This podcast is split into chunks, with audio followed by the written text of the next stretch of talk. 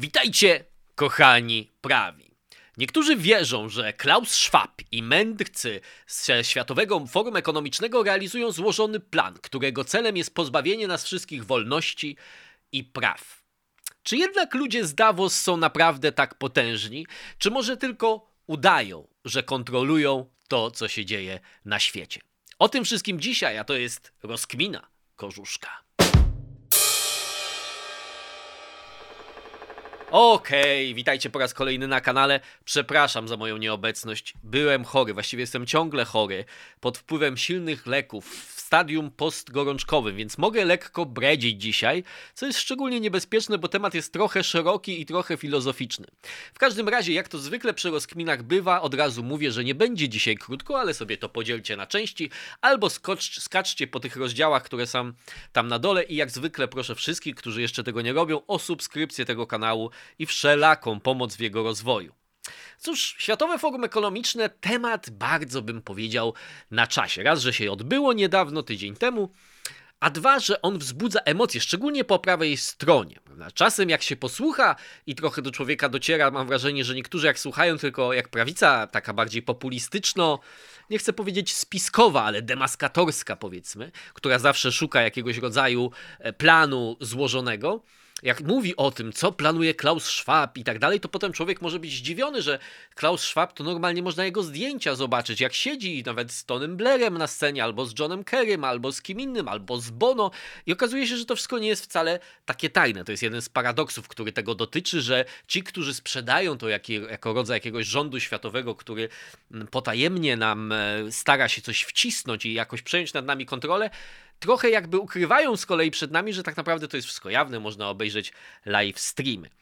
Ale podejście do tego tak naprawdę zależy od też tego, jaką mamy, jakie mamy nastawienie intelektualne. I to jest taka, taki wstęp filozoficzny, który też dotyczy w ogóle podejścia do polityki, która jest zjawiskiem złożonym, bo wchodzi w nie gospodarka, różne narody, różne sfery działalności, od bezpieczeństwa poprzez geografię itd. Tak itd. Tak Więc jednym, można by to, że tak powiem, wyprowadzić z różnych przesłanek filozoficznych, od Platona chociażby, czy tym, ale na przykład William James mówił o dwóch takich nastawieniach intelektualisty. Jedno nazwał nastawieniem racjonalnym, drugie nastawieniem empirystycznym, czyli nastawienie takie to racjonalne to jest nastawienie tych, którzy zawsze szukają sposobu na to, żeby zerwać zasłonę rzeczywistości, żeby tak powiedzieć, którzy szukają sposobu na to, jak powiedzieć, jak ten mechanizm, którego my nie widzimy, w rzeczywistości działa w środku, bo są przekonani, że taki mechanizm istnieje, a to, co widzimy na zewnątrz, niczym cienie w platońskiej jaskini, to jest tylko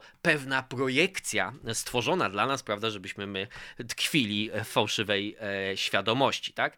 To, czyli jakby oni szukają tego momentu, kiedy powiemy, o to chodzi. To było wszystko przed nami e, ukrywane. To wszystko tłumaczy. Ja należę do tej grupy, która uważa nie, że rzeczywistość jest jednak taka, jak nam się jawi, a komplikacja polega na tym, że często nie jesteśmy w stanie zrozumieć jej złożoności. Nawet jak zrozumiemy jakiś element, to zwykle to rodzi kolejne e, pytania i jakby gdy mamy coraz więcej wiedzy, to mamy coraz więcej e, pytań. Czyli innymi słowy, to pierwsze nastawienie jest zawsze poszukiwaniem pewnej prostoty, tak naprawdę. Prawda jest tajemnicą i odnalezienie jej nie jest łatwe, ale kiedy już do niej dojdziemy, to wszystko jakby staje się proste. Natomiast w tym drugim nastawieniu prawda jest na wyciągnięcie ręki, czyli jest jawna, ale z drugiej strony objęcie jej umysłem i, i zrozumienie właśnie złożoności rodzi dodatkowe komplikacje. I w tym duchu jakby ja też patrzę zawsze na takie zjawiska jak na przykład Światowe Forum Ekonomiczne. To znaczy, że nie wierzę e, w coś, w taką ideę, że istnieje coś takiego e, jak rząd światowy. Oczywiście wierzę w to, że ludzie, którzy się tam spotykają, mają ogromny wpływ na nasze życie. Oczywiście wierzę, że szefowie wielkich korporacji, głowy państw, szefowie instytucji międzynarodowych jak Bank Światowy i tak dalej, Międzynarodowa Organizacja Handlu, oni mają ogromną władzę, tak? Stwierdzenie, że to, co tam robią i to, o czym tam dyskutują, nie ma żadnego wpływu potem na to, co robią w, w swoim życiu, byłoby absurdalne. Natomiast mówienie o tym, że istnieje rząd światowy, to jest teza idąca trochę dalej. To jest teza mówiąca, że istnieje jakiś plan e, i sprawna koordynacja na poziomie globalnym. Ja uważam, dlaczego, że ta sprawna ko koordynacja jest na poziomie globalnym jest mało wiarygodna dla mnie, Z wielu względów i o nich dzisiaj powiem, ale takie podstawowe zdroworozsądkowe założenie jest takie, że żeby założyć, że takie coś ma miejsce, to musielibyśmy założyć tak naprawdę dwie rzeczy. To znaczy, po pierwsze, mieliby tacy ludzie z tego rządu światowego, w domyśle to są ci ludzie z Davos, tak, podwójne zadanie, tak, bo nie tylko musieliby rządzić światem, ale jeszcze prowadzić skomplikowaną operację taką dezinformacyjną, albo jak powiedzieliby sowieccy agenci, maskirowkę, czyli udawać przed nami, że choć rządzą światem, to jednocześnie nie potrafią w miarę sprawnie zarządzać e, swoimi państwami.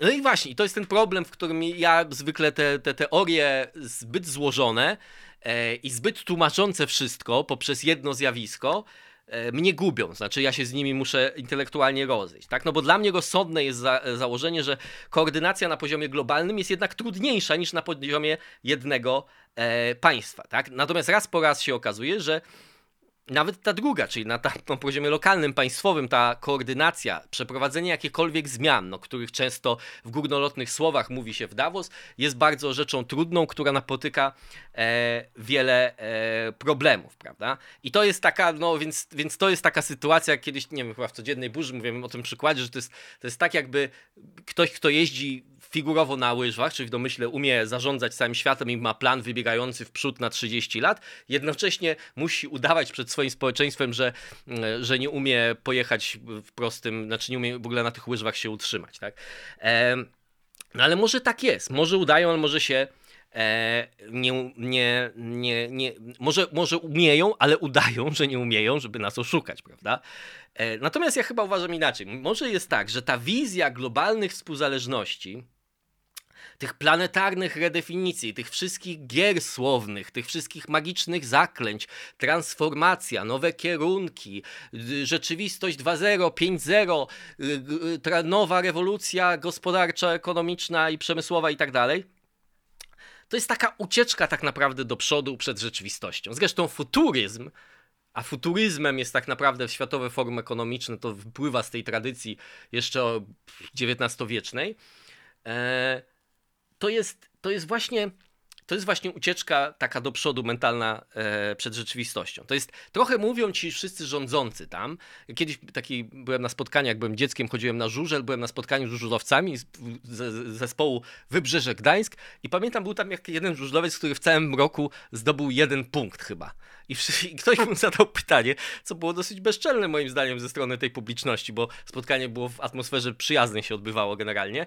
Dlaczego pan zdobył tylko jeden punkt w całym roku? A on powiedział, dajcie mi lepszy motor, to wam pokażę, jakim jestem żużlowcem dobrym. No i to jest podobnie z tymi wszystkimi władcami naszego świata, że może nie potrafią do końca jednej rzeczy zrobić dobrze u siebie sprawnie, ale dajcie im globalne wyzwania i redefinicję globalnej architektury, to na pewno to doskonale zrobią. W tym kontekście Ciekawe jest to, e, bardzo ciekawy artykuł Financial Times opisa, na, napisał. To jest taka analiza przeprowadzona, e, jak opisują nastrój nastrój, bo zwykle jak te gazety ekonomiczne uważają e, Światowe Forum Ekonomiczne w Davos jako taki, można powiedzieć, dobry prognostyk tego, w jakim miejscu znajduje się światowa gospodarka i w ogóle. E, więc oni za, za, zanalizowali to i okazuje się, że te elity, które się tam zbierają, zwykle, przynajmniej w ostatnim czasie, zdecydowanie są bardzo smutne. Jest im bardzo źle, jest im bardzo przykro z tego powodu, jak wygląda świat. 2023 rok, czyli ten, który mieliśmy, nieokiełznane przygnębienie. W 2022 roku gazety opisują nastrój jako apokaliptyczny. W 2020 ten nastrój jest, mm, to nie, nie do końca nastrój święta, wśród tos, trosk, że zbliża się kryzys. W 2019 nastrój był przygłuszony, w 2018 był pesymistyczny. W 2017 nastrój był pełen lęku, postawy obronnej i wrzutów sumienia, a w 2016 był smutny, a w 2015 tylko przytłumiony też jest taka analiza tam w ogóle przeprowadzona, co jest dosyć w ogóle zabawne. Ten artykuł, on jest y, w linkach, możecie sobie tam zajrzeć. Od 97 roku, jak się spojrzy, oni analizują, jaki jest udział artykułów, które opisują nastrój jako przygnębienie i one się pojawiają zasadniczo 5, 6, czasem 3, 4 razy częściej e, co roku niż artykuły, które opisują nastrój jako ostrożny, e, ostrożny optymizm, przepraszam. I znowu dziś w tym roku oczywiście sytuacja jest, nie jest inna. wymyślono nowe słowo, nie wiem czy to Klaus Schwab, który jest tutaj naczelnym futurystą, to wymyślił, ale wymyślono nowe słowo polikryzys, czyli jest wiele kryzysów. Różne rzeczy się dzieją naraz, które są bardzo złe. No też można powiedzieć bardzo nowatorskie yy, spojrzenie na sprawę. I to i jakby od razu można zadać, jak oni tam sobie tak siedzą i tak mówią, mmm, ciężko jest ciężko, i tylko pewnie jeden do drugiego mówi, gdybyśmy my tylko znali ludzi, którzy są odpowiedzialni za to, że sprawy nie mają się najlepiej. Oczywiście nie oni są nieodpowiedzialni, prawda? Czyli w, ef w efekcie, to, co wynika z tego artykułu, generalnie rok po roku rząd światowy wydaje się być niezadowolony z efektów swojej pracy. Co też może oznaczać, że może ta kontrola, według nich przynajmniej, nie jest taka doskonała, na jaką by sobie liczyli. Teraz zwolennicy tej teorii, do pewnego stopnia te teorii o rządzie światowym, który wszystko kontroluje, a przynajmniej ma plan, żeby wszystko kontrolować i ten plan jest jasny i zdefiniowany, em, powiedzą, że kryzys jest ich narzędziem. Oni specjalnie nam mówią, że jest bardzo źle, po to, żebyśmy my w ich ręce złożyli więcej władzy, wytworzyć panikę, powiedzieć, że jest potrzebny ratunek, a my tego ratunku wam dostarczymy. To jest zresztą logiczne. To w polityce chociażby doradca prezydenta Obamy, Ram Emanuel, miał to słynne stwierdzenie, które się pojawiało także na przykład w pisarstwie Żana Moneta. Nigdy nie zmarnuj dobrego kryzysu. Czyli kryzys jest też yy, okazją yy, do reformy. Yy, jest narzędziem po prostu. A Schwab w swojej książce która też może być zaskoczeniem, że Schwab napisał książkę Wielki Reset, a potem iluś, nie wiem, 15 publicystów w Stanach, to co najmniej 15 e, prawicowych napisało Wielki Reset, tajny plan. To jest trochę dziwne, bo oni generalnie przepisują to, co Schwab napisał w swojej książce, mówią, że to jest tajny plan, chociaż on w swojej książce nazwał to wielkim. No nieważne. W każdym razie, Schwab e, pisze tak pęknięcia w naszym świecie, najważniejsze z nich to podziały społeczne, brak sprawiedliwości, brak współpracy, teraz są widoczne jak nigdy wcześniej i ludzie czują, że przyszedł czas wymyślenia wszystkiego na nowo. Powstanie nowy świat, a naszym zadaniem jest wyobrazić sobie i wyznaczyć jego kontury. I teraz powiedzą zwolennicy terytorii, haha, i oto jest dowód. Taki jest właśnie ich plan. Chcą stworzyć nowy świat, wyznaczyć jego kontury.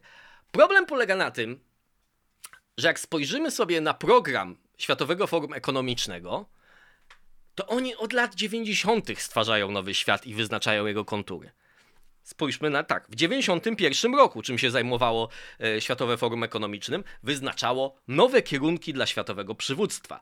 W 1994 redefiniowało podstawowe założenia światowej gospodarki. W 1997 budowało społeczeństwo sieciowe. W 2007 kształtowało globalną agendę i zmieniało relacje władzy. W 2012 tworzyło nowe modele dla czegoś, co wtedy nazywało się wielką transformacją. A w 2014 przekształcało świat, a w 2019 kształtowało globalną architekturę. Czyli mniej więcej porządek jest taki, że najpierw mówią, że jest potrzeba redefinicji, transformacji, kształtowania, a potem spotykają się po roku i stwierdzają, że są bardzo smutni z efektów, w związku z efektem swojej pracy i stwierdzają, że no, ewidentnie istnieje potrzeba redefinicji, przemyślenia na nowo globalnej architektury, transformacji i wielkiego resetu, tak? To znaczy, i nawet jeszcze co ciekawe jest w tym artykule Financial Times, że jak się okazuje, ich nastrój przynajmniej po tak charakterze ekonomicznym, ma niewiele wspólnego z rzeczywistością. Znaczy, nałożono y, ten nastrój, ile tam było optymizmu, ile pesymizmu w y, opisach prasowych tego, co się dzieje w Davos, na to, jak sobie radził Światowy Indeks Giełdowy y, w określonych latach i stwierdzono, że korelacja była bardzo mizerna. To znaczy, że nie ma jakiegoś takiego, że jak są pesymistycznie, to światowa gospodarka jest w kryzysie, a jak są optymistyczni, to sobie radzi bardzo dobrze. Generalnie można rzucać monetą i takie same efekty będą e, w tej sprawie. I teraz jest istotne właśnie to, o czym, e, o czym ja chciałem powiedzieć. To znaczy, że taką sobie wymyśliłem kategorię, że jak sobie słuchałem tych wypowiedzi różnych e, z tego Światowego Forum Ekonomicznego, to pomyślałem sobie, że to jest pewien rodzaj terapii dla tych elit.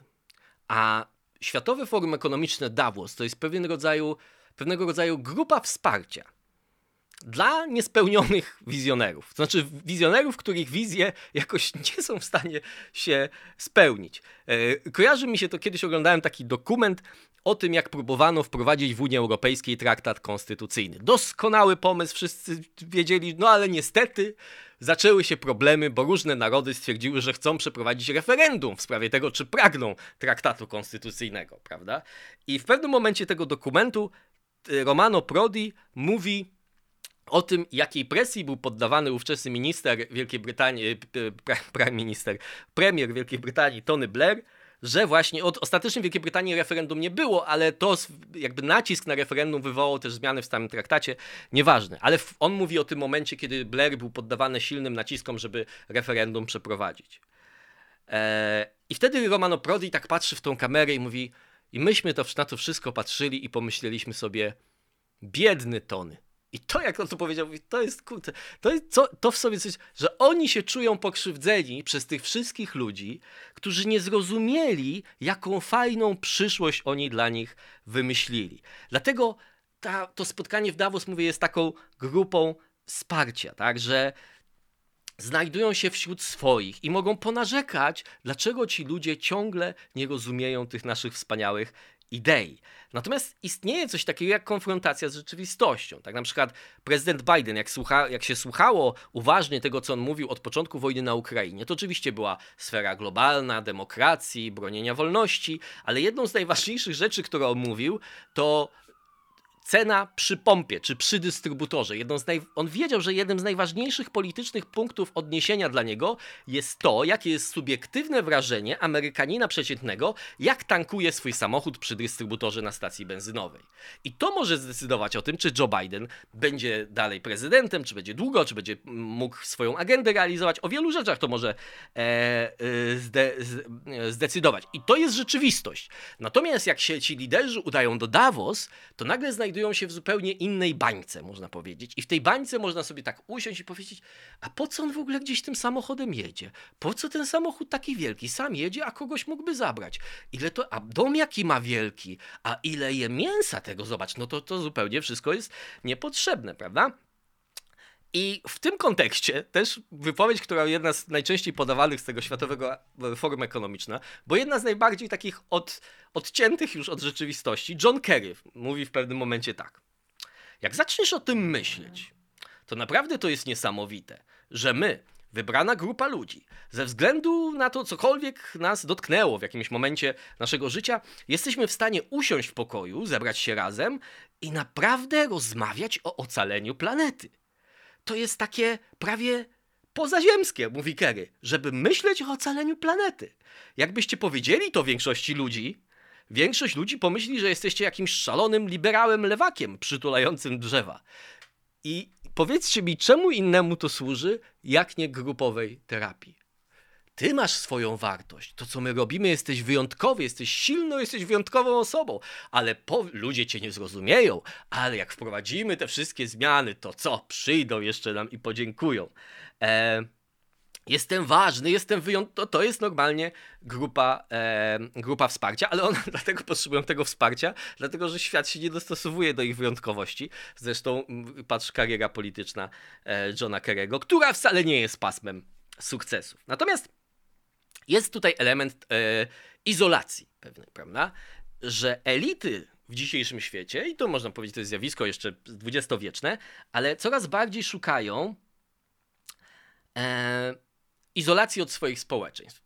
E, Samuel Huntington w 1994 roku napisał tekst da, Davos Men, czyli Ludzie z Davos, e, który właśnie opisywał to zjawisko, tak, że zasklepione elity, które generalnie spotykają się tylko ze sobą. Podobnym, e, podobnym, podobnym projektem jest Bruksela w pewnym sensie, tak? gdzie wszyscy, którzy tam mieszkają, większość ludzi, oczywiście mieszkają tam ludzie, którzy zupełnie nie są zainteresowani Europą, ale w tym kampusie europejskim, prawda? Komisja Europejska, Rada Europejska, prawda? wszystkie urzędy i tak dalej, parlament, są ludzie, którzy są wszyscy poświęceni temu projektowi. Tak?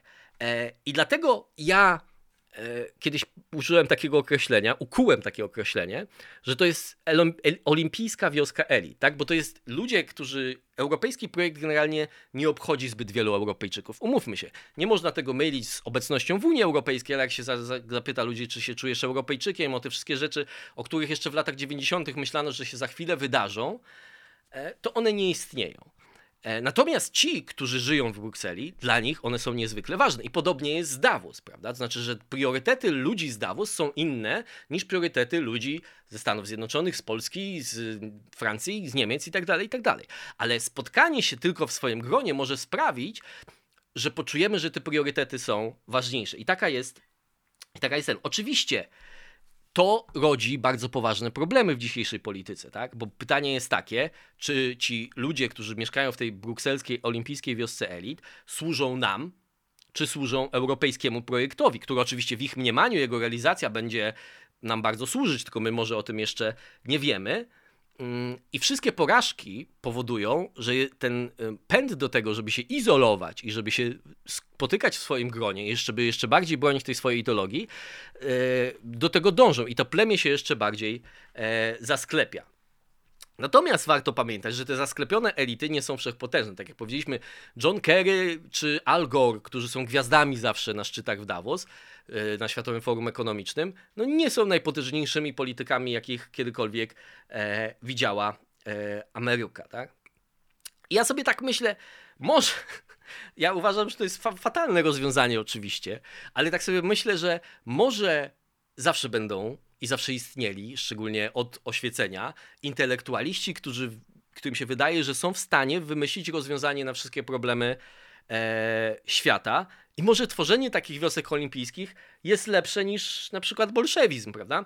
No bo bolszewicy nie pokonywali oporu rzeczywistości, że się spotykali w jakiejś grupie i, i, narzekali na to, że świat nie jest taki, jaki sobie życzyli, tylko po prostu mordowali miliony. I taki bolszewik, jak wymordował milion ludzi, to rzeczywiście wtedy czuł, że zredefiniował, stransformował i stworzył nową architekturę, prawda? Chociaż potem oczywiście frustracja e, e, też, też przyszła, więc tak pół żartem, pół serio bym powiedział, że może z dwojga złego już lepiej e, że nasi ci marzyciele są kretynami w takich e, jakichś kontrolowanych warunkach.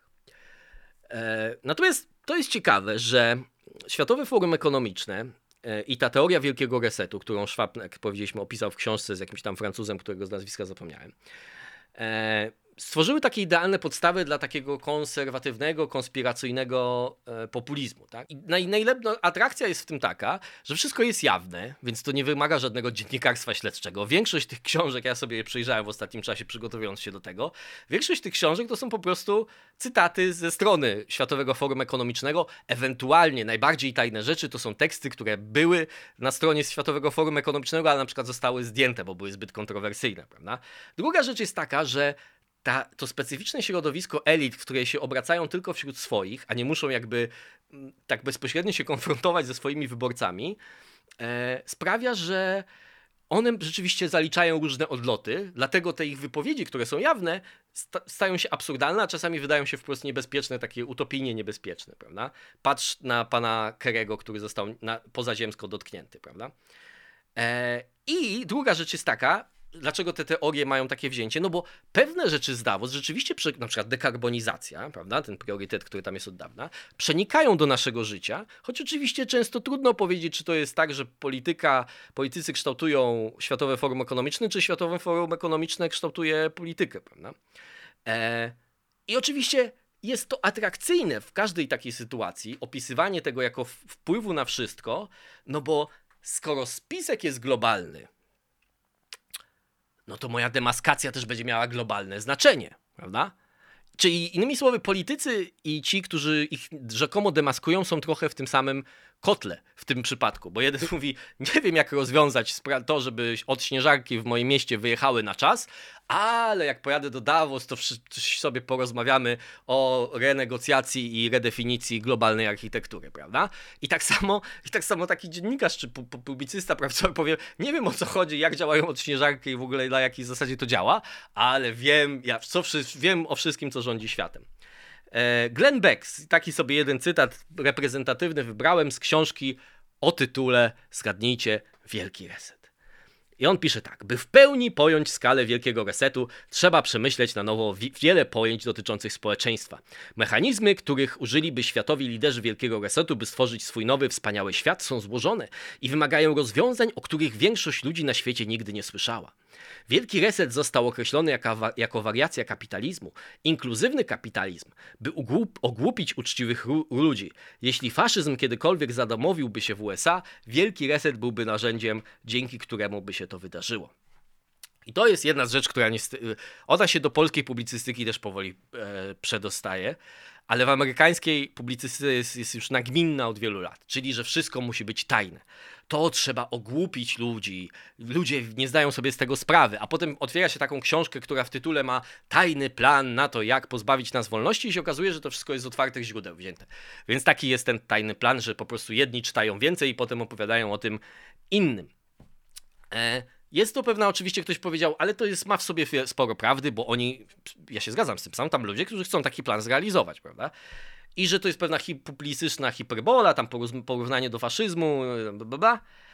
E, natomiast populistyczne wizje tego wielkiego resetu dają ekipie y, z Davos władzę i wpływy, o której ona mogłaby tylko pomarzyć. I stąd znowu w jakimś sensie jedni i drudzy się znajdują, nawet nie mogłaby, marzy po prostu o tych wpływach. Jedni i drudzy znajdują się w jednym kotle, bo jedni sobie e, wyobrażają, że rządzą światem, a drudzy sobie wyobrażają, że tamci rządzą światem i że trzeba ich jak najszybciej powstrzymać. E, I to jest tak, że to nie chole... Właśnie jeszcze raz warto, żebyście mnie zrozumieli, bo nie chcę teraz, żeby ktoś mi tutaj wklejał cytaty z Klausa Schwaba, bo ja tą książkę Schwaba przeczytałem zresztą ku swojemu o, o zgrzytowi zębów. E, bo tych cytatów można znaleźć bez problemu, prawda? Tak jak w tym roku yy, Tony Blair mówił o tym w kontekście szczepionek, że potrzebna jest infrastruktura, żebyśmy mogli kontrolować, kto jest zaszczepiony, o i wszyscy mówią, ha, mamy dowód, prawda, i tak dalej, i tak dalej. E, czy chociażby słynny tekst Idy Auken, który umieszczony został, to jeden z tych tekstów, który potem został zdjęty ze stron Światowego Forum Ekonomicznego, w 2016 roku, ale jego losy są nieważne, ale on na pewno jest w wielu tych książkach, które przeglądałem, był tam wszemi wobec cytowany, prawda? E, witajcie w 2030 roku. Nie posiadam, e, nic nie posiadam, niczego nie posiadam na własność, nie mam prywatności, a życie nigdy nie było lepsze. Taki jest tytuł tego tekstu. Niczego nie posiadam. Nie posiadam samochodu, nie posiadam mieszkania. Nie posiadam sprzętów ani żadnych ubrań. Wszystko, co uważaliśmy za produkt, jest teraz usługą. Mamy dostęp do transportu, mieszkania, jedzenia, wszystkiego, czego potrzebujemy w naszym codziennym życiu. Jedna po drugiej te rzeczy stały się darmowe, a więc przestało mieć sens posiadać zbyt wiele. W naszym mieście nie płacimy czynszu, bo ktoś inny używa naszej wolnej przestrzeni, kiedykolwiek my jej nie potrzebujemy. Mój salon jest używany do spotkań biznesowych, kiedy mnie tam nie ma. Zauważacie, że ona nie posiada nawet ubrań, jak rozumiem, dzieli je także z innymi, tak? Eee... I niektórzy powiedzą, zo, już widzimy, jaki ten projekt jest zaawansowany, chcą nas kontrolować, ile mamy, jaki mamy ślad węglowy i tak dalej. I to wszystko jest do pewnego... Natomiast jak rzeczywiście rzeczywistość w pewnych aspektach zmierza w, w stronę czegoś takiego, ale ja jestem przekonany, że nigdy do tego punktu nie dojdziemy. Bo, bo mnie, nie, mnie nie przeraża to, jak ten projekt już jest zaawansowany, mnie bardziej uderza to, jak to jest mało twórcze, jak to jest po prostu siódma woda po kisielu, tak? Bo ja od razu myślę o słynnych rozważaniach e, Lenina, e, jak czytam takie teksty, o robotnicy, prawda, która będzie w, w, w ciągu dnia, e, prawda, e, pracować, nie, przepraszam, na ryby pójdzie, a potem wieczorem będzie zajmowała się krytyką literacką, tak, czy Furiera opis życia w komunie, jak wszyscy są ze sobą, tak, to, to, to jest niezwykle naiwne, można powiedzieć takiej pani, tak Justynko, prawda, pięknie to sobie, pięknie to sobie wymyśliłaś, prawda, rolnik na polu, inżynier przy desce kreślarskiej, ze zgrzytych butów zrobimy doniczki na kwiaty, a teraz już, jak możesz, oddaj społeczne majtki e, panu Romanowi z szóstego piętra, bo chciałby iść na spacer z psem, prawda? E, I to jest właśnie cecha, moim zdaniem, jedna z, rzeczy, które e, powtarzają się raz po raz. Już się powtarza takie rzeczy, znoszenie granic, znikanie dystansu. A propos, a propos e, mieszkania, to Ulrike Guerot to jest taka e, niemiecka e, politolożka, która pisze, że Europa musi być federalna i musi być, trzeba stworzyć e, Republikę Europejską, to tak trochę taka żartobliwa dygresja, ale ona pisała kiedyś, że również mieszkanie w przyszłości będzie mobilne, koczownicze, bo ona, jej projekt jest taki, żeby Parlament Europejski nie miał siedziby, tylko się cały czas przemieszczał, bo Europejczycy są tacy mobilni, prawda? Mieszkanie będzie w przyszłości mobilne, koczownicze. Eee, młodzi polscy architekci budują na przykład mieszkalny sześcian na kółkach. I tu od razu się budzi takie przekonanie, że szkoda, że ci polscy architekci albo pani Guero nie, wiedzie, nie wiedzą, że już coś takiego istnieje. Mniej więcej, może bardziej prostopodłościan niż sześcian na kółkach i to się nazywa barakowóz. I z tego co pamiętam z dzieciństwa, miałem jednego kolegę, który mieszkał w takim barakowozie trochę przystosowanym do, do, do rzeczywistości, e, prawda, z jakimiś tam e, udogodnieniami. To nie było jakieś marzenie wielkich ludzi. To, I nikt nie mówił, że to, jest, że to jest sposób mieszkania przyszłości. W każdym razie, wracam do tego. Kluczowa rzecz, dlatego, dlaczego ja się nie zgadzam ani z jednymi, ani z drugimi. Czyli ani z tymi, którzy mówią, że tak, świat zmierza w tą stronę, i z drugimi, którzy mówią, tak, oni w ten świat doprowadzą w tę stronę, musimy ich powstrzymać, dlatego, że uważam, że powstrzyma ich e, sama rzeczywistość i ograniczenia, które są w nią wpisane. Czy to ograniczenia fizyczne, czy też ograniczenia wynikające w większym stopniu z natury ludzkiej po prostu, bo ja uważam, że natura ludzka tak bardzo wbrew e, różnym przepowiedniom się nie zmienia. Bo to jest bieda futuryzmu, który zakłada, że wizjonerem jest ten, kto mówi, że przyszłość to będzie aktualny stan, tylko pomnożony razy 10 albo razy 1000, prawda? I to się raz po raz po prostu nie sprawdza. Już Orwell pisał w w 1944 roku chyba po prostu, że już ma dosyć tych wszystkich książek, które piszą o znoszeniu granic, o tym, że dystans nie ma znaczenia, że wszyscy jesteśmy prawda, w jednej globalnej wiosce i tak dalej.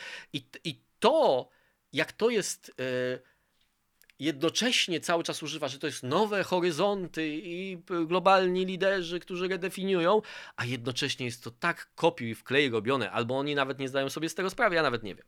Ale przykładów na to mamy mnóstwo, takich nawet zwykłych życiowych, tak? Pamiętacie, jak na przykład zaczęło popularność zdobywać MTV, teledyski, szybkie cięcia, mówiło, tak, młodzi ludzie tak będą odbierali informacje, dwie sekundy to jest czas, a potem jeszcze będzie w 50 lat, to już będzie tylko milisekunda i po prostu wszystko będzie migać i tak dalej, tak dalej. Tymczasem okej, okay, istnieje TikTok i informacje bardzo skrócone, czy Twitter, ale z drugiej strony ludzie bardziej może nawet niż 30 lat temu oglądają wielogodzinne podcasty, czy kilkadziesiąt godzin poświęcają na obejrzenie jakiegoś serialu, gdzie historia właśnie jest wydłużona, czasem już właściwie nie wiadomo o co chodzi. Czy tak samo jak mówiono, szybsze podróże, 8 godzin, prawda, do Nowego Roku, to nie kluba będą 2 godziny albo pół godziny i tak dalej, i tak dalej. I okazało się nagle, że wraz z całą porażką projektu Concord, prawda, że podróż ponaddźwiękowa e, jest nie do końca sensowna, czy nie jest rentowna, różne rzeczy tam wynikały. Czy kiedyś miniaturyzacja telefonów będą takie wielkie jak guzik. No, potem się przestały miniaturyzować, bo inne rzeczy e, mia miały na to wpływ. To znaczy, że innymi słowy, coś się może rozwijać, ale nic się nie może rozwijać w sposób nieograniczony. Zawsze zachodzi, szczególnie w skomplikowanych systemach, to co Clausewitz nazywał tarciem. A tarcie to jest po prostu w amerykańskiej Marines ma yy, yy, snafu, prawda? Czyli, że coś, coś się, zawsze coś się nie uda, prawda? Masz, prawda, Kalaucewicz tak to opisywał, masz zmienić, być tam w 4 godziny, masz zmienić konie w jakiejś karczmie, ale tam konie nie ma, albo jeden koń zwichnie nogę, zawsze się coś wydarzy i to tarcie, im, im system jest bardziej skomplikowany, tak jak mówię, tym to tarcie jest bardziej złożony i ma większy wpływ potem na wyhamowywanie pewnych zjawisk, prawda?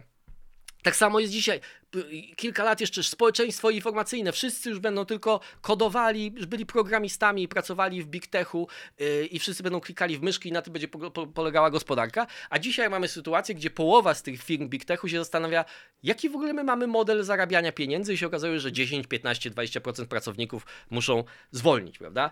Yy, tak samo, i wiem, że to będzie kontrowersyjne, co teraz powiem, z tą tezą, że lockdown i kontrola to jest przedproże jakiegoś systemu powszechnej kontroli, tak? Być być może to jest prawda, ale zauważmy, że dzisiaj znajdujemy się w momencie, że nie tylko zniesiono wiele ograniczeń, co więcej, mamy statystyki w niektórych państwach, w Stanach Zjednoczonych, ostatnio słuchałem takiego podcastu, że ludzie mówią, kurde, jakby to było dwa lata temu, taka ilość zgonów, to wszyscy by byli w panice i się zastanawiali, co zamknąć. A teraz już nikt niczego nie zamyka. Biden i demokraci zostali, mówiąc szczerze, trochę jak Himmelbach z angielskim z tymi swoimi wszystkimi projektami e, wprowadzania mandatów szczepionkowych, prawda? Że jak się nie zaszczepisz, to nie możesz być policjantem, albo nie możesz być nauczycielem, albo nie możesz być pracownikiem e, federalnym. Oczywiście ci, którzy stracili pracę z tego powodu, e, to są stratni, prawda? Natomiast jakby i nie chodzi o to, że to nie było niesprawiedliwe, bo to było strasznie niesprawiedliwe i jak się okazuje z punktu widzenia naukowego zupełnie niepodparte żadnymi tak naprawdę dowodami na to, że rzeczywiście jest tak, że ten, kto będzie niezaszczepiony będzie stwarzał zagrożenie. E, natomiast nie jest też prawdą, że raz wprowadzone ograniczenia się, się nie zatrzymały, że ta fala się nie zatrzymała w pewnym momencie. Zresztą widać to chociażby po Chinach. Tak? Tam, gdzie liberałowie, tak zwani liberałowie zachodni, słynni na przykład z Nowego Jorku, Paul Krugman, gdybyśmy jeden dzień mogli być Chinami, to wtedy byśmy wprowadzili te wszystkie potrzebne, byśmy zlikwidowali karb- ten ślad węglowy i tak dalej i wszystko by było wspaniale. A okazuje się, że nawet jak masz absolutną władzę teoretycznie, to i tak naród się może przed tobą zbuntować. Tak się zbuntowali Chińczycy i Chińczycy znieśli te ograniczenia. Zresztą ostatecznie się okazało, że absolutna władza doprowadziła do tego, że doprowadzili jeszcze do większej katastrofy niż ci, którzy wprowadzali te lockdowny, tak można powiedzieć, trochę w przód, trochę do, yy, do tyłu. Tak? I podobnie jest z tą główną ideologią, yy, której, która towarzyszy Światowemu Forum Ekonomicznemu, czyli globalizacją. W 2005 roku mówił Tony Blair. Słyszę ludzi, którzy mówią, że musimy się zatrzymać i przeprowadzić debatę o globalizacji. Równie dobrze możemy przeprowadzić debaty na temat tego, czy jesień powinna następować po lecie. I to jest, to była ideologia, która towarzyszyła elitom na początku XXI wieku właściwie bez dyskusji, że globalizacja to jest coś, co się dzieje, nie mamy na to żadnego wpływu. I to była też ideologia Światowego Forum Ekonomicznego. Natomiast jak chociażby pokazał w swoich książkach i analizach profesor Pankaj Kremałat, e, to jest człowiek, który się zajmuje globalizacją i pokazuje jej prawdziwą skalę, elity a to było na podstawie badania przeprowadzonego wśród czytelników Harvard Business Review, czyli raczej ludzi należących do szczytów amerykańskiej technokracji. 68% biznesmenów zgodziło się ze zdaniem książki Thomasa e, Friedmana, e, stwierdzające, że stać, to słynna książka The World is Flat, taka, takie e, ideologiczny manifest globalizacyjny, że zgodzili się ze zdaniem, które mówi tak, świat stał się globalnym, usieciowionym placem gry, który umożliwia współpracę i badania naukowe w czasie rzeczywistym bez oglądania się na geografię, dystans, a w niedalekiej przyszłości nawet język ale badania empiryczne pokazują, że to wszystko jest nieprawda. To znaczy, że globalizacja nie jest tak głęboka, jak się wszystkim wydaje. Zresztą w tych badaniach właśnie z Harvard Business Review się okazało, że ci biznesmeni średnio 5 razy przeszacowywali realną skalę globalizacji. Żeby podać kilka przykładów. Na przykład, według nich udział migrantów w światowej populacji, czyli ludzi, którzy żyją poza miejscem, w którym się urodzili, to jest 30%. W rzeczywistości to jest 3%. Albo na przykład międzynarodowe połączenia e, telefoniczne, to są dane z 2016 roku, ale one są tylko ilustracją pewnego nastawienia mentalnego, więc to, to nawet nie ma takiego wielkiego znaczenia. Międzynarodowe połączenia telefoniczne i skype'owe, jakie są udziałem we wszystkich połączeniach, oni ocenili, że 35%, a naprawdę jest to 5%, tak? W 1999 roku świeżo upieczony wtedy szef Komisji Europejskiego Mano Prodi stwierdził, że nieuniknione jest stworzenie jednej europejskiej armii z żołnierzami walczącymi pod europejskim dowództwem, pod europejską flagą. A kraje, które się do tego sojuszu nie przystąpią, będą zmarginalizowane w nowej historii świata. No i właśnie, oczywiście, jak się mogę założyć, że gdzieś w Wielkiej Brytanii albo w Belgii powstała książka w 2001 roku tajny plan na pozbawienie nas naszej armii. I wiemy, że oni o, ciągle o tym mówią, że będzie europejska armia, ale jakoś nie może się zrealizować. I jak mówimy o tych ograniczeniach podstawowych, które sprawiają, że te projekty, e, że rok po roku e, ci przedstawiciele różnych elit na Światowym Forum Ekonomicznym w Davos są zasmuceni albo zalęknieni, boją się o przyszłość, to są ograniczenia wynikające z natury ludzkiej. Znaczy, ja mam takie przekonanie, oczywiście płynące z lektury Arystotelesa i innych autorów, że człowiek jest istotą wspólnotową, potrzebuje życia we wspólnocie. I że naród jest najszerszą możliwą wspólnotą, do którą, z którą człowiek może się identyfikować. I to jest moje przekonanie takie aksjologiczne, ale jednocześnie ono się raz po raz e, potwierdza empirycznie. Znaczy, wbrew temu, co mówią te elity, ludzie ciągle myślą lokalnie, żyją lokalnie i właśnie w momencie najbardziej altruistycznym przejawem ich myślenia o rzeczywistości jest myślenie w kategoriach tożsamości narodowych. I to jest jedna z największych zbrodni, może zbrodni to przesadzam, ale błędów intelektualnych popełnionych po II wojnie światowej, że stwierdzono, że uczucia to Solidarności Narodowej należy jak najbardziej wyplenić, no bo one prowadzą do konfliktów e, między narodami. Tak? Taki prosta dana na przykład, że 60% Brytyjczyków mieszka najwyżej 35 km od miejsca,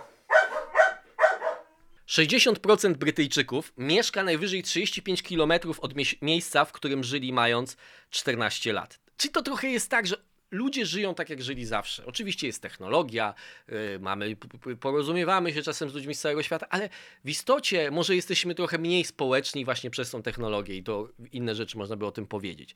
Ale potem przychodzą elity i mówią, Boże, wy jesteście tacy mobilni, może żyjcie w takim małym kapsule, która będzie wystrzeliwana w kosmos, może mam taki super barakowóz, prawda? I jak, jak oni są w swojej wow, wymyśliłeś barakowóz, prawda? Przyjdzie doktor Kawecki i powie, a, to jest takie innowacyjne, a, prawda? I się podniecą, ale niewielkie to ma znaczenie tak naprawdę.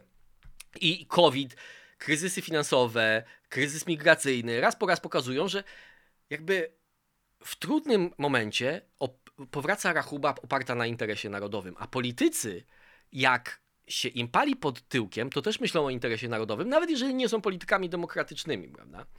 E, jak pisał Samuel Huntington w 2014 roku, w 1994, tak, że ludzie z Davos to tak naprawdę oni, znaczy on nie pisał tego, myślą globalnie, to jest ich ideologia, ale tak naprawdę tworzą bardzo małą, plemienną wręcz można powiedzieć, wspólnotę. Tak? On pisał, okazja do dołączenia do tego transnarodowego świata jest ograniczona do niewielkiej mniejszości ludzi z państw uprzemysłowionych i maleńkiej garstki ludzi z państw rozwijających się. E, I to jest, i to jest, ten, i to jest ten problem, że tak naprawdę to, co oni robią, to potwierdzają te ograniczenia, o których ja mówię w naturze ludzkiej, że my musimy żyć we wspólnocie, tylko oni stworzyli wspólnotę, w której językiem jest język globalny. Ale tak naprawdę to nie jest globalna. Znaczy, ludzie, którzy w niej żyją, są, żyją globalnie, bo żyją na całym świecie, ale jednocześnie wszystkich ich można zmieścić w małej szwajcarskiej wiosce w Davos i to są ludzie, którzy myślą globalnie dzisiaj, prawda? To jest ten paradoks, że tak naprawdę oni potwierdzają tą tezę, że wspólnoty są nam potrzebne. I ludzie, z którymi się identyfikujemy i tak dalej, i tak dalej. Problem, który też rodzi się z Davos i, i moim zdaniem dowodzi tego, że, że ta kontrola jest bardzo ograniczona, wynika także z tego. W 2022 roku głównym prelegentem w Davos był Xi Jinping. W 2021 roku głównym prelegentem w Davos był Władimir Putin. Schwab, e, Klaus Schwab mówił wtedy, e, chwalił długoletni udział Putina e, i stwierdzał, w tym momencie historii możliwość usłyszenia głosu prezydenta Rosji jest kluczowa. W 2013 roku organizatorzy wychwalali Miedwiediewa jako lidera, który rozumiał globalną odpowiedzialność. Czyli innymi słowy, rok przed inwazją e, Rosji na Ukrainę. E, w tym roku już Putina nie było, e, bo nie mogło być. Główną prelegentką była von der Leyen ale był za to chiński premier Liu He, czyli też trochę taki, można powiedzieć, prestiżowy yy, skok w dół, tak? który mówił, że, tak mówił tam, że świetnie się obudowują Chiny po covid wszystko jest wspaniale, no i też mówił o ważnym wzmacnianiu międzynarodowej współpracy i zachowania e, światowego pokoju. Zabawna rzecz z tym e, Liu He, Paul Smikes, to jakiś urzędnik, który pracuje w Davos, znaczy przy Światowym Forum Ekonomicznym, w Washington Examiner próbował wyjaśnić, dlaczego Chiny są ok jeszcze, a Rosja już nie jest ok. I on mówi tak, definicja złego gościa jednej osoby może być definicją dobrego gościa innej osoby. Mówię tylko w zależności od tego, jaka jest Twoja perspektywa. Możesz się zgadzać albo nie zgadzać z tym, jak inny kraj, jaka jest jego polityka i, i tak dalej. to są świetne wytłumaczenia, ale to jest śmieszne, ale tu nie chodzi tak naprawdę o tą moralną hipokryzję, chociaż ona jest ewidentna. Żarty z tego, jaki mają ślad karbonowy, e, węglowy, te wszystkie samochody, samoloty odrzutowe oczywiście są na miejscu, i, ale to już na pewno wiele razy słyszeliście. Chodzi o to, że te, ta lista tych prelegentów to jest dowód na to, że Światowe Forum Ekonomiczne nie tylko nie kontroluje rzeczywistości, ale nawet jej dobrze za bardzo nie rozumie. Nie wie, co się będzie działo, innymi słowy, tak naprawdę, tak? Czyli, bo jednego roku będą mówili z Putinem i, yy, i Xi, będą wyznaczać kierunki globalnego przywództwa i redefiniować, a potem się okaże nagle, że z Chin przyjdzie pandemia koronawirusa, a potem Putin yy, wywoła wojnę i obydwa te wydarzenia okażą się wielkimi dysruptorami planów globalizacyjnych, bo nagle wszyscy znowu zaczynają myśleć o sobie, tak? Bo to jest tak, że Putin i Xi oczywiście mogli wykorzystywać e, ten Światowe Forum Ekonomiczne do łowienia naiwniaków, tak, żeby przekonywać ich, o, my jesteśmy, jak to oni lubią używać tego pojęcia stakeholder, czyli że my mamy udziały w globalnym porządku, bo jak masz udziały w globalnym porządku, to ci nie, zale- nie będzie zależało na tym, żeby ten porządek naruszyć i zniszczyć, tak? No chyba, że ci zależy na tym, żeby zniszczyć Ukrainę na przykład i że Ukraina nie jest państwem, ale ogólnie jesteś globalnym udziałowcem, prawda? E ale nigdy nie było żadnej nigdy nie było żadnej kooperacji, nigdy nie było żadnej wspólnej kontroli. To, że von der Leyen to pokazuje, że tak naprawdę ta, ta historia tej futurystycznej idei jednoczenia całego świata zaczyna, zaczęła się rzeczywiście od idei europejskiej. To byli Europejczycy jeszcze na początku XXI wieku, książki powstawały, Zjednoczona Europa i tak dalej, tak dalej. I potem, jak już się udało podpisać oczywiście traktaty rzymskie, to się, to i po II wojnie światowej, to zaczęto myśleć o globalnym, e, global governance, prawda? globalnym zarządzaniu. Natomiast Dzisiaj okazuje się, że wracamy tak naprawdę do projektu europejskiego i Światowe Forum Ekonomiczne, znowu kluczową osobą jest e, osoba, która jest szefem e, Komisji e, Europejskiej i to pokazuje też, że świat się rozpada wbrew temu, co oni mówią. Zachód, Zachód się w jakimś sensie okupuje i jednoczy. Zresztą to nie jest tylko rozdźwięk pomiędzy Chinami i Putinem, a Światowym Forum Ekonomicznym. Biden oczywiście wysłał tam Kerego, żeby mówił, żeby może i to też jest rzecz taka, jakby o tej rzeczy nie powiedziałem, ale może to jest rzecz kluczowa. To znaczy istnieje taka interpretacja, która moim zdaniem byłaby bardzo bliska rzeczywistości, że wszyscy używają, poza kilkoma wariatami w rodzaju Klausa Schwaba, wszyscy yy, używają Światowego Forum e, Ekonomicznego jako wielkiej maskirowki. No bo jak spojrzymy na zarząd na przykład Światowego Forum Ekonomicznego, to tam jest szef Nestle, szef jakiejś innej wielkiej korporacji, szef innej. I teraz oczywiście z punktu widzenia PR-owego dla nich to jest korzystne, żeby byli postrzegani jako patrzący w przeszłość, że szukają bardziej sprawy. A tak naprawdę ich celem takim prawdziwym jest to, żeby zachować swoje zyski, żeby system, który mamy, trwał jak najdłużej i żeby im się żyło jak najlepiej. Podobnie można powiedzieć o rządzących. Ich tam, że y, y, polski prezydent nie leci tam po to, żeby być udziałowcem w zmienianiu globalnej architektury, tylko żeby podnieść swoje znaczenie, że, bo wszyscy ważni tam będą, więc jak ty tam będziesz, to też będziesz ważny, taka, e, taka ten. Natomiast Biden w tym samym momencie, kiedy Kerry mówi, jak został ponad, pozaziemsko dotknięty, Biden prowadzi wojnę handlową z Chinami, tak naprawdę kontynuując w całości chińską politykę Trumpa, poza różnymi tam drobnymi odstępstwami i tak naprawdę szykuje się do wojny handlowej złe, bo w tym pakiecie tak zwanym Inflation Reduction Act, czyli akt redukcji inflacji, który z inflacją nie ma nic wspólnego, znajdują się na przykład subsydia, dopłaty na samochody elektryczne, ale które będą dotyczyć tylko firm, tylko samochodów elektrycznych wyhodowanych, wybudowanych czy wyprodukowanych w większości w Stanach Zjednoczonych, tak? I to ma niewiele bardzo wspólnego z wizjami Światowego Forum Ekonomicznego. Dobrze, mam nadzieję, że to nie było zbyt e, takie e, bełkotliwe. Trochę pewnie było, ale mam nadzieję, że niektórzy z Was przynajmniej uznają to za część uroku tego e, kanału czas, na, ponieważ było długo, to chciałbym to wszystko podsumować i mniej więcej, y, jak według mnie powinniśmy do tego wszystkiego podchodzić. Ja uważam tak, że Światowe Forum Ekonomiczne, choć mnie to raczej śmieszy i, e, i moja tendencja jest taka, którą staram się w sobie zwalczać. Zawsze staram się zwalczać, jak mnie pcha mój charakter intelektualny w jakąś jedną stronę, że to jest coś pomiędzy e, ta ideologia i ci ludzie i to wszystko, to jest pomiędzy grupą wsparcia a rządem światowym. Znaczy to rzeczywiście ma wpływ na naszą politykę i nie można tego e, unikać, tak? E, ale jesteśmy bardzo daleko od spisku, który skutecznie realizowałby plan zniewolenia nas wszystkich, tak? Bo absurdem jest stwierdzenie, że elity, które nie są zdolne rozwiązać problemów codziennych, takich jak bezpieczeństwo nasze czy inflacja, mają wizję, jak rozwiązać problemy globalne i wiedzą, mają plan jeszcze długoletni, jak go, e, jak go zrealizować, tak?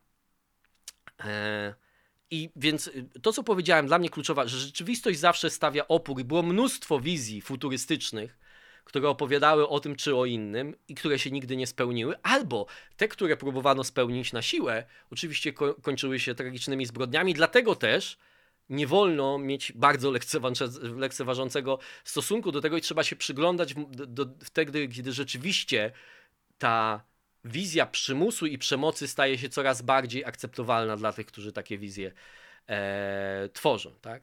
Że, ale zawsze dla polityków póki co podstawowym układem odniesienia będą narody, którymi rządzą. Nawet jeśli to nie są demokracje, a w demokracjach szczególnie. Tak? I te narody nie są nieme. Mają wpływ na rzeczywistość, tworzą właśnie jeden z, z tych elementów układu tarcia, który hamuje w pewnym sensie te zmiany. Natomiast to, co jest problemem, to jest izolacja elit politycznych, biznesowych, intelektualnych od swoich narodów, bo to stwarza taki dwóch, taki coś, co próbowałem opisać chwilę wcześniej, może nie zrobiłem tego dobrze, więc powiem jeszcze króciutko o tym jeszcze raz, że mamy taki dwutorowy zakres obowiązków, czyli ten normalny, czyli ten normalny układ odniesienia, normalny zakres obowiązków, oni mnie wybrali, oni chcą tego, albo ja im zaproponowałem to, więc oni dlatego mnie wybrali. Eee, ale jest, są jeszcze te obowiązki, które oni nazwą obowiązkami globalnymi. Wobec planety, czy w Europie, wobec projektu europejskiego mają rządzący, prawda? E, w rzeczywistości to są często obowiązki wobec mojej, nie chcę powiedzieć grupy rewieśniczej, ale właśnie wobec mojej grupy wsparcia. Czyli innych potężnych ludzi, którzy lubią sobie razem się spotkać i powiedzieć, że świat byłby taki sraki, przepraszam, gdybyśmy tylko nie było oporów w, w postaci Janusza, który musi sobie oczywiście zjeść kiełbasę z grilla i poje, pojechać gdzieś Oplem Astrą, bo nie wiadomo po co, jak wszyscy wiedzą, że w jego życiu nie ma żadnego celu i spokojnie mógłby spać w kapsule i dzielić swoje majtki z Grażyną, prawda? E, I te istnienie tej takiej globalnej bańki alternatywnych obowiązków liderów, moim zdaniem, było niebezpiecznym momentem w pandemii, ale nie dlatego, że istniał plan przejęcia kontroli, chociaż oczywiście nie jestem tak naiwny, żeby nie wiedzieć, czy nie, nie, nie, nie zakładać, że Pfizer czy inne te firmy robiły to zupełnie bezinteresownie i że one nie mają swoich udziałów w Światowym Forum Ekonomicznym. I w 2021 roku Światowe Forum Ekonomiczne opisywało modele, jak może wyglądać pandemia, czy jeszcze wcześniej, przepraszam, jeszcze przed, przed ogłoszeniem tego, jak e, ten, opisywali e, wydarzenia pandemiczne, prawda, i jak należy na nie reagować. Natomiast mnie bardziej uderzało właśnie zrzekanie się odpowiedzialności, tak? Bo jest Światowa Organizacja Zdrowia, prawda? I ona mówi, że takie powinny być wyteczne. I nawet między państwami, jakby była taka cicha umowa, skoro wszyscy to robią, to nie będzie jednego przykładu który, tych, którzy tego nie zrobili i oni nie, y, że na przykład ich efekty byłyby lepsze. Bo ja ostatecznie uważam, że naprawdę to wszystko było, jak zawsze w polityce, robione za późno, bo nigdy, nigdy, nic nigdy nie jest dobrze zaplanowane, nawet w dobrze funkcjonujących państwach, a w państwach źle funkcjonujących, no to wszystko jest w ogóle porażką. E, to wszystko było robione właśnie w poczuciu przede wszystkim strachu przed odpowiedzialnością, z chęci wypo, wy, e, wyrzeczenia się tej odpowiedzialności. E, ale też dał o sobie znać ten mechanizm, który jest widoczny w Davos. Znaczy, że wszystko, co się złego wydarzy, można zrzucić na swoje społeczeństwa, tak? Albo nie siedzieliście w domu, albo poszliście do sklepu, albo młodzież się bawi na placach, albo nie założycie maseczki, albo założyliście, ale to była, to był ten e, przyłbica, a przyłbica wiadomo, jak psikał w pan Stefanie, to nie chroni, i tak dalej, tak dalej. Natomiast ja uważam też, czy te rzeczy są groźne, to uważam, że mówienie o spiskach i rządach światowych nie pomaga, bo w istocie to jest naiwne i optymistyczne, że politycy się nami interesują, że chcą nas śledzić, że chcą nas kontrolować, prawda, i tak dalej, i tak dalej. Oczywiście łatwiej jest ludzi, w sensie łatwiej, ludzi jest łatwiej kontrolować, potem łatwiej jest im coś sprzedać, prawda, i tak dalej. Policji jest łatwiej pracować, jak jest dużo kamer, wszyscy, wszyscy o tym wiemy. Natomiast ja uważam, że to jest błędna wizja, bo problem polega na tym, że właśnie politycy uciekają w sferę tych rozważań globalnych, tak? Nie jesteśmy w stanie obniżyć inflacji. Nie jesteśmy w stanie. Trudno. Inflacja to jest wina Putina. Ale obniżyć temperaturę planety, całej planety, temperaturę obniżyć. Jesteśmy w stanie. I stworzymy, zredefiniujemy architekturę, która to stworzy. Tak? Więc dla mnie to jest fałszywa wizja. Nie jest tak, że my musimy zatrzymać tych rządzących światem. Właściwie powinniśmy od nich żądać nie tego, żeby się nami mniej interesowali, ale bardziej się nami interesowali. Problemami, którymi zawsze się politycy zajmowali, a które często dzisiaj ciągle są problemami, bo nie jest ich, bo w polityce nie da się żadnego problemu rozwiązać raz na zawsze. Tak? Jeżeli lepiej, żeby się zajęli odśnieżaniem w mieście, niż lecieli do Davos, prawda, i, yy, i tworzyli al alternatywny program architektury redystrybucji gaci w roku 2050. Prawda? I takie są moje refleksje. Bardzo Wam dziękuję. Jakoś przeżyłem, nawet nie kaszlałem za bardzo, co jest zaskakujące.